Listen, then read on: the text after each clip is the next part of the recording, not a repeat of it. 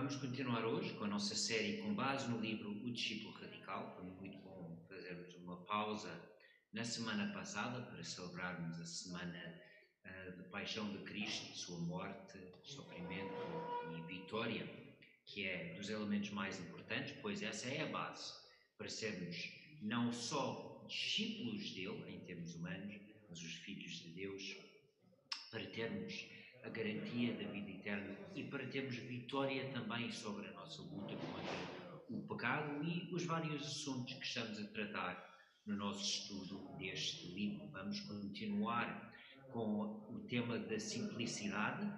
Os, este livro de Stott apresenta várias características de discípulo de Cristo e são características que, pelo menos no século XX, XXI, uh, tendem a ser negligenciados ou esquecidos por alguns. E já vimos que a primeira característica apresentada é de estar fora do padrão do mundo para estar dentro do padrão de Cristo, que implica, às vezes, resistir estrategicamente à onda, à maré da nossa cultura que isto implica ser cada vez mais semelhante a Cristo, seguir os passos do Mestre, imitar Jesus naquilo que diz, nas ações, nas atitudes, nas diversas áreas da vida. E isto, inevitavelmente, vai nos levar para maturidade, para chegarmos ao, à fase, e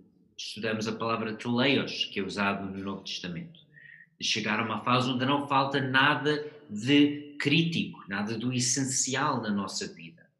E é óbvio que vamos continuar a cometer erros, somos seres humanos, mas a maturidade deve ser o alvo de todos. A maturidade implica não só saber cuidar bem de nós mesmos, mas também preocupar com o mundo à nossa volta.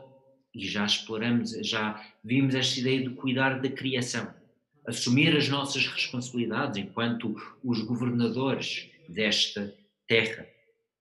E temos visto que, de facto, o impacto do ser humano no planeta não tem sido o mais positivo ao longo dos últimos anos e das últimas décadas. Isto também leva-nos para a característica da simplicidade deliberada, de cultivar um estilo de vida que é mais simples, para poder maximizar o nosso impacto eterno. E no livro, John Stott apresentou esta ideia muito à base do Pacto de Lausanne, que foi uma conferência que procurou reunir cristãos de vários países, o Billy Graham participou, o John Stott do Reino Unido participou, e que também resultou em 2010 do compromisso de Cabo, que reuniu cristãos de muitos países do mundo, inclusive vários delegados de Portugal para afirmar muitos dos mesmos valores. E nestes documentos eles afirmaram o seguinte: afirmaram, estamos chocados com a pobreza de milhões de pessoas e ficamos chocados pelas injustiças que a provocam. Cidades afluentes aceitamos que é nosso dever desenvolver um estilo de vida simples, de forma a contribuirmos mais generosamente, tanto para ajuda humanitária e outras obras sociais, como para a evangelização. E como nós vimos no domingo antes da Páscoa, Portugal não é das sociedades mais afluentes do mundo, mas por outro lado, nós também não somos das sociedades menos afluentes do mundo. Mas parece que esta característica de generosidade, de deliberadamente viver uma vida mais simples, consumir menos, poupar mais, para poder contribuir mais, é algo que a sociedade portuguesa não tem abraçado, na sua, pelo menos não de forma geral. Então, isto é mais uma área onde talvez temos que sair fora do padrão da nossa cultura para procurar o exemplo de Cristo, o exemplo também dos seus discípulos, da Igreja uh, primitiva, ou a igreja do livro de Atos. E vemos que Lausanne, uh, eles enfatizaram três áreas, três tipos de resposta à pobreza, pois a pobreza é um fenómeno multifacetado e a resposta da Igreja também tem que ser multifacetada. E eles enfatizaram três aspectos: o Evangelho, ajuda humanitária e justiça. E cada um destes aspectos vai tratar de uma faceta, uma área de pobreza. E o Evangelho é claro, toda a humanidade necessita do Evangelho porque todos nós possuímos pobreza espiritual. Não importa quanto temos economicamente, em termos materiais, todos nós temos pobreza espiritual. Todos nós necessitamos de Cristo, daquilo que Ele fez em nosso lugar, aquilo que celebramos na semana passada. E quem apoia humanitariamente, quem apoia a justiça, mas não apoia com o Evangelho, esquece da pobreza espiritual, isto não chega.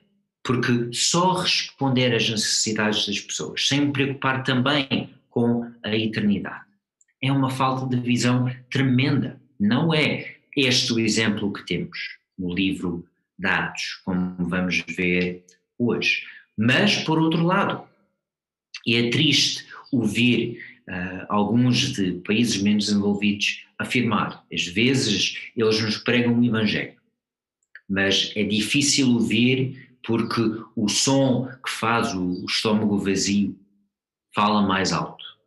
Ou seja, temos que preocupar com o estado espiritual das pessoas, mas também não podemos esquecer das necessidades físicas, as necessidades críticas que as pessoas têm.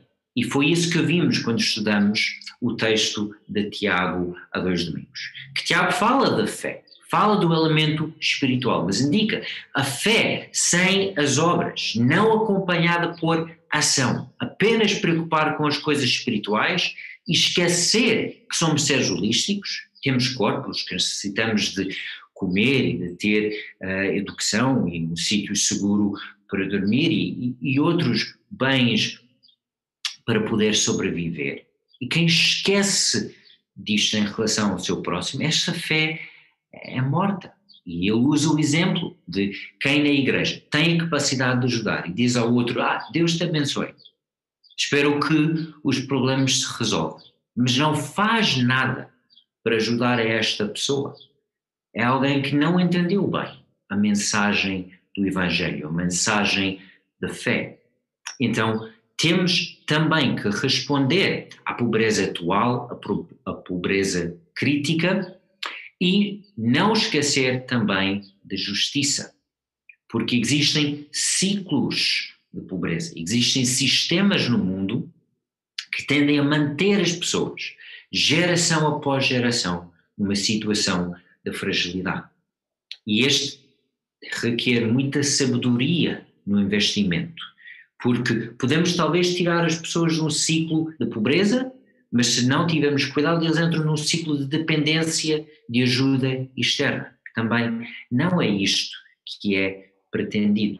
Então, é combater a pobreza espiritual, combater as necessidades do momento e com muita sabedoria, com boa gestão, implementar soluções que vão criar ciclos viciosos e que vão dar às pessoas a oportunidade de construir um futuro sustentável e com estas três áreas. Isto depende, em parte, de nós, cristãos, com alguns recursos, vivermos de modo mais simples. Vimos os conselhos de John Wesley, conselhos de uns séculos atrás. Três verbos: ganhar, poupar e doar. E cada um, tudo o que puder. Claro, tudo o que puder em termos legítimos. E é muito equilibrado esta visão. Ganhar tem a ver com produtividade. Nós temos que ser elementos produtivos, temos que trabalhar. Isto faz parte da vida. Mas se nós temos a capacidade, por causa de viver no país onde nós vivemos, de ter as capacidades que Deus nos concedeu, de ganhar dinheiro, também devemos poupar. E poupar com o intuito de ser generosos, de apoiar quem necessita desta ajuda e quem, mesmo trabalhando, não tem a capacidade de ganhar que nós temos. E vamos ver que estas não são apenas palavras bonitas, vimos que são coerentes para com o ensino de Tiago e vamos ver hoje que também é coerente para com o exemplo da Igreja de Jerusalém no livro de Atos. E muitas pessoas gostam de ler o texto de Atos 2, que vamos estudar hoje, e temos que ter algum cuidado, porque muitos gostam de dizer, ah, Atos 2, isto é o que deve ser. Toda igreja, eu gostaria de viver na igreja primitiva. E, de facto, eles fizeram várias coisas muito positivas. Mas esta igreja foi como muitas outras. Também enfrentou várias dificuldades. E as pessoas esquecem dos conflitos e das dificuldades que os outros capítulos em Atos também destacam que a igreja de Jerusalém enfrentou. Não foi uma igreja perfeita. Igreja perfeita não existe. Mas o que podemos fazer é, com esta igreja e com várias outras, aprender com os sucessos que eles tiveram e certamente Atos 2 é uma área onde a Igreja de Jerusalém é um modelo para imitar. Eles fizeram na realidade deles, com a cultura deles, nós devemos fazer com a nossa realidade e com a nossa cultura, mas aprender com os valores, os princípios da fé. E vamos ver que a simplicidade faz parte da vivência desta igreja. Então, Atos 2, e vamos ler a partir do versículo 42. Todos participavam fielmente no ensino dos apóstolos, na união fraterna, no partir do pão e nas orações. E este no partir do pão é importante eh, ter a noção que no início eles não celebravam a ceia como nós celebramos, com um copo pequeno de vinho e um pedacinho de pão eles tinham o hábito de fazer uma refeição comunitária e celebrar a ceia neste contexto. Então foi a ceia, mas também tinha este elemento de partilhar uma refeição. Quem tinha mais capacidades trazia mais comida e quem não tinha comida, na mesma, sentava à mesa, comia em pé de igualdade com os outros e todos em conjunto celebravam a ceia, o sacrifício de Cristo. Então vemos aqui quatro aspectos que ligam a espiritualidade à realidade comunitária da Igreja. Que a Igreja foi uma comunidade sincera. O ensino, a oração, resultou na união genuína, haver amor fraternal entre os membros da Igreja. E celebrar o que Cristo fez e, ao mesmo tempo, partilhar uma refeição uns com os outros toda a gente andava impressionada com o que se estava a passar, porque Deus fazia muitos sinais milagrosos e maravilhas por meio dos apóstolos. E é interessante notar, o versículo anterior foi todos, e neste versículo toda a gente anda impressionada, mas não é toda a gente que faz milagres. E aqui nós notamos, Deus concede papéis diferentes a diferentes pessoas.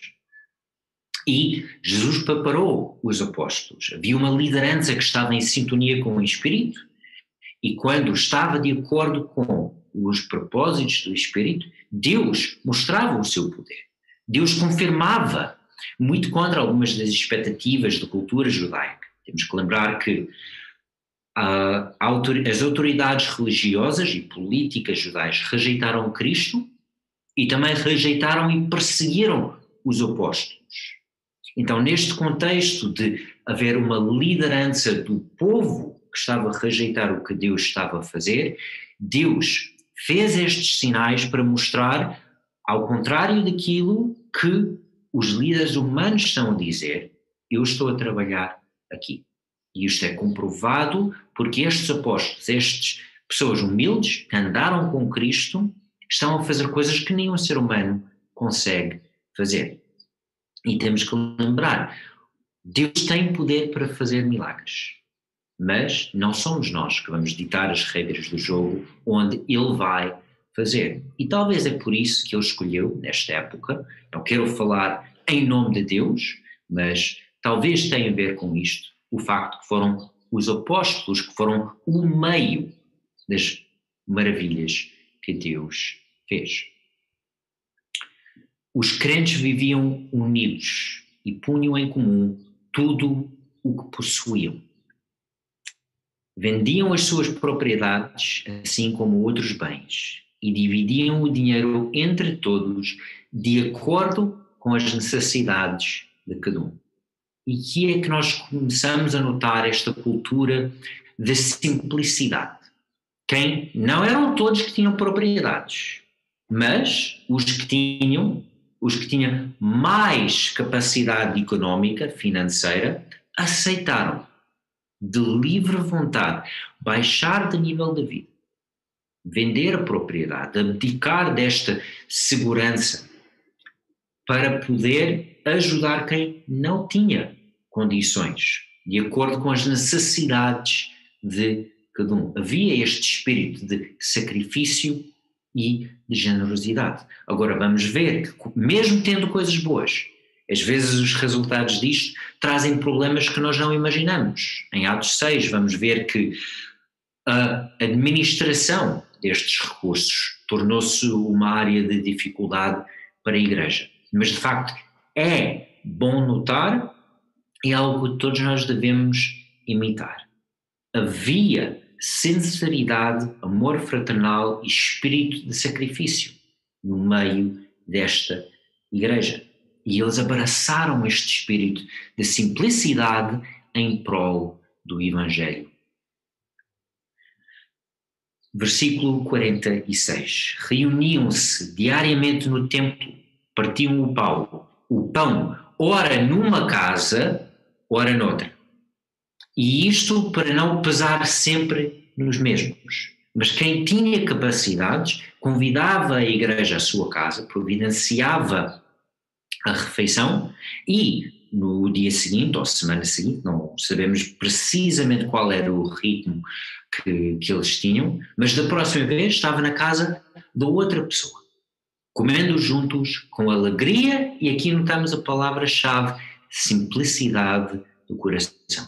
Alguns tinham a capacidade económica de dizer: a igreja pode vir jantar em minha casa, eu é que pago o pão e, e os outros uh, alimentos para todos.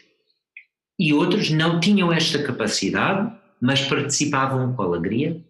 Todos procuravam simplicidade, de modo genuíno, criar um sentido de comunidade. Não havia os que têm e os que têm menos, pelo menos do que é descrito por Lucas aqui em Atos capítulo 2. Então eles abraçaram este espírito de simplicidade. Versículo 47. Davam louvores a Deus e tinham a simpatia de todo o povo. E é interessante, é a primeira vez que vemos, já vimos o que todos na igreja faziam, já vimos o que os apóstolos, o que Deus fez através dos apóstolos. E agora notamos, o povo, os não crentes, os cidadãos, os residentes de Jerusalém, a igreja ganhou a simpatia do povo. E, em parte por causa disto, cada dia que passava, o Senhor aumentava o número dos que recebiam a salvação. Eles notaram: eu moro em Jerusalém a minha vida toda, nunca vi pessoas a viverem comunidade, mesmo sendo a maioria de nós judeus ou, ou quem for, nunca vi o espírito que há neste grupo de pessoas aqui. E vale a pena perguntar se nós conseguimos cultivar este tipo de espírito de simplicidade, de amor fraternal, de partilha, de alegria, será que iríamos ter um caminho mais facilitado para o evangelismo, que em Portugal é algo bastante difícil. Existe, as pessoas têm alguns preconceitos contra a igreja. Será que não vencemos o povo, a simpatia do povo à nossa volta? Em parte, por causa da falta de simplicidade, a falta de união fraternal no meio das igrejas. Talvez é algo para pensar. Então, nós temos aqui uma descrição atrativa. Notamos várias qualidades positivas que esta igreja em Jerusalém possuía. E é interessante, Tiago, quem estudamos há duas semanas, foi um dos líderes desta igreja. Então vemos muita sintonia entre aquilo que Tiago escreveu como instruções à igreja e aquilo que a igreja, descrita aqui por Lucas no início de Atos, praticava. Vemos a união e o espírito generoso de parte de todos. Notamos alegria e simplicidade sincera também de parte de todos. Notamos uma liderança que está alinhada em sintonia com o Espírito Santo. E isto resultou na simpatia do povo descrente, a sociedade como um todo, e contribuiu para sucesso na evangelização. Então, é uma lista significativa de qualidades muito positivas como eu indiquei no início, isto não indica que foi uma igreja perfeita, porque quem continua, quem para em Atos 2, talvez fica com a ideia, esta foi uma igreja perfeita. Mas o Novo Testamento é muito equilibrado naquilo que descreve, Lucas dá uma visão muito realista desta igreja e ele indica, poucos capítulos depois, Atos capítulo 5, existe o episódio de insinceridade e manipulação. O Espírito Santo tem que intervir na igreja de modo radical. Um capítulo depois, existe injustiça dentro da igreja. E a questão do favoritismo entre o judeu e o não judeu começa a surgir. E os apóstolos têm que criar administradores para tratar desta questão, porque senão eles vão ficar sobrecarregados e não vão conseguir dar conta do recado. Em Atos 15 existe uma grande disputa teológica sobre a salvação, sobre como criar uma comunidade que tem judeus e não judeus, quais são as condições que devem ser ou não ser impostas a estes convertidos, então nós notamos, foi uma igreja que também enfrentou dificuldades. Todas as igrejas vão. Mas de facto devemos aprender com as qualidades que nós notamos em Atos 2. E entre elas, a simplicidade no que diz respeito ao uso dos recursos. Então, sem idealismo irrealista, devemos afirmar: há muito que podemos aprender com a Igreja de Jerusalém especialmente no que diz respeito a esta temática, a esta prática de generosidade e de simplicidade alegre. Agora, isto por si só implica nadar contra a nossa cultura, porque vivemos numa cultura que incentiva tudo menos a simplicidade. Vivemos numa cidade onde a corrente da sociedade é consumir. E nós encontramos muitos conceitos. Novo é melhor. Ah, tu tens o, o telemóvel de 5 anos atrás, este não presta. Precisas de nova moda, nova isto, novo aquilo. O que é novo é o que é o melhor.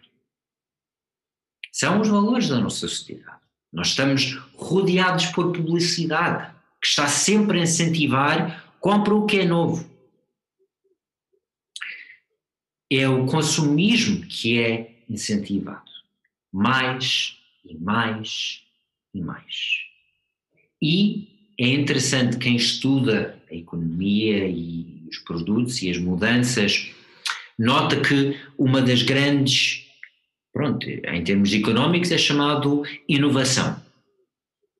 Acho que em termos de honestidade é algo condenável e chama-se a obsolescência deliberada. E a ideia é, quando nós compramos uma coisa, quem fabrica deliberadamente limita a qualidade, garante que aquilo só vai durar uns X horas ou X anos, e é por isso que eles dão aquela garantia e depois, passado seis meses, as coisas começam a não funcionar tão bem. Isto não acontece por acaso. É feito deliberadamente. A primeira indústria onde este surgiu foi a indústria de fabricar as lâmpadas de luz. Mesmo antes da Segunda Guerra Mundial, havia um acordo entre os países, ou os produtores em vários países, que nenhum deles ia produzir uma lâmpada que durou mais de mil horas. Ou seja, isto é algo que entrou no mundo da economia.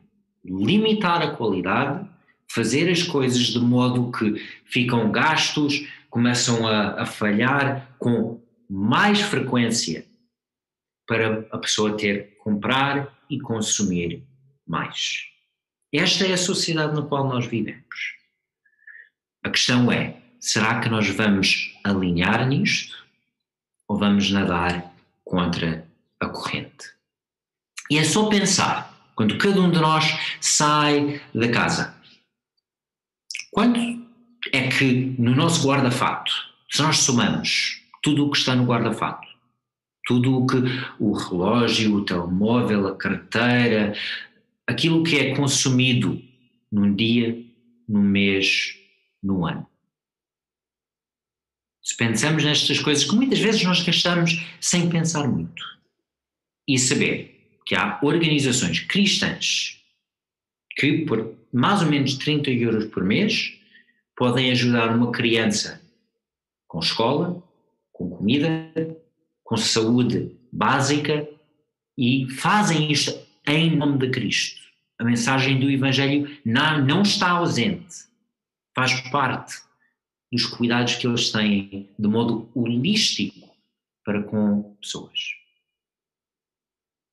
E não é assim tão difícil reduzir um pouco e ser um pouco mais generoso de apoiar organizações e, e não há falta de boas causas para apoiar. Eu lembro-me, eu fiz um, uma apresentação à altura de faculdade. E na faculdade, nos Estados Unidos, muitos gostavam de ir para as aulas com o café de Starbucks, que custa uns 3, 4 dólares. E é só fazer as contas. 3, 4 dólares por 4 ou 5 dias de aulas por mês. No final do mês, a maioria dos meus colegas não tinham noção do quanto dinheiro é que eles estavam a gastar apenas a beber café. E acordar 10 minutos mais cedo, preparar o café em casa, levar num recipiente que é reutilizável para não ter que usar aqueles copos de plástico e papel de Starbucks todos os dias. Um só ato, e muitos deles podiam simplificar reduzir o consumo e, com base nisto, o grupo de, de estudantes uh, universitários do qual eu fazia parte naquela altura adotou uma causa. Todos nós reduzimos um pouco para apoiar uma causa. Agora, é pensar, isto foi um grupo de cinco ou seis estudantes. E se for uma igreja inteira? A simplicidade deliberada multiplicada pelas famílias e pelos indivíduos de uma igreja. É muito impacto. Se cada um de nós, na roupa, na comida, nas coisas que. Não estou a falar do básico da vida, mas naquelas coisas de, de luxo, aquelas coisas que nós gastamos muitas vezes sem dar conta. Conseguimos reduzir para todos juntos aplicar a causas, ao Evangelho, ao apoio das pessoas que necessitam, é de facto um impacto substancial. Então, por amor ao Evangelho, por amor ao próximo, por amor à justiça, vamos tentar seguir este conselho que alinha com a Bíblia, que alinha com os conselhos de Wesley, com os conselhos de Stott, ganhar, poupar, doar tudo o que puder. Então, o desafio para nós, enquanto indivíduos, enquanto famílias, e aqui eu penso mesmo como exemplo pedagógico, ou seja, como exemplo de ensino. E pais para com os filhos, irmãos mais velhos para com os irmãos mais novos, é dar um exemplo. Porque isto vai deixar um impacto na vida da pessoa. Escolher uma causa, juntar a família ou juntar amigos, propor uma ou duas pequenas mudanças para consumir menos. Já dei o exemplo, na, na época de faculdade foi propor que nós deixamos de beber o café de Starbucks para fazer café em, ca em casa e só com isto todos conseguiram reduzir e contribuir para um, uma causa. Uma ou duas pequenas mudanças, simplificações económicas em termos do consumo para consumir menos e contribuir para a causa como resultado de sacrifício de todos, não apenas de um ou outro. E de facto foi um episódio que para mim ficou na memória e que também lembro em algumas alturas dos meus pais. A minha irmã mais nova é, é adotada e adotada da China, onde muitas das crianças que são abandonadas, pelo menos na época em que nós adotámos a ela, um, iriam morrer. E tinha muitos custos económicos associados a isto. Os meus pais, nós reuníamos em família e sabíamos se nós vamos avançar com este processo de adoção. Vai implicar sacrifício para todos. Não vamos poder fazer férias uh, de escala grande durante alguns anos para ter que poder fazer este investimento na causa. E é algo que ficou comigo. Eu fico muito contente que foi uma decisão que a minha família uh, tomou e tomamos em conjunto, não foi imposição dos meus pais. E assim, nós, indivíduos, famílias, amigos, será que nós podemos fazer o mesmo? Simplificar a vida para impactar em prol do Evangelho, do apoio ao próximo e apoio à justiça. Um desafio para orarmos e para levarmos o exemplo de Cristo conosco enquanto discípulos radicais. Um abraço para cada um.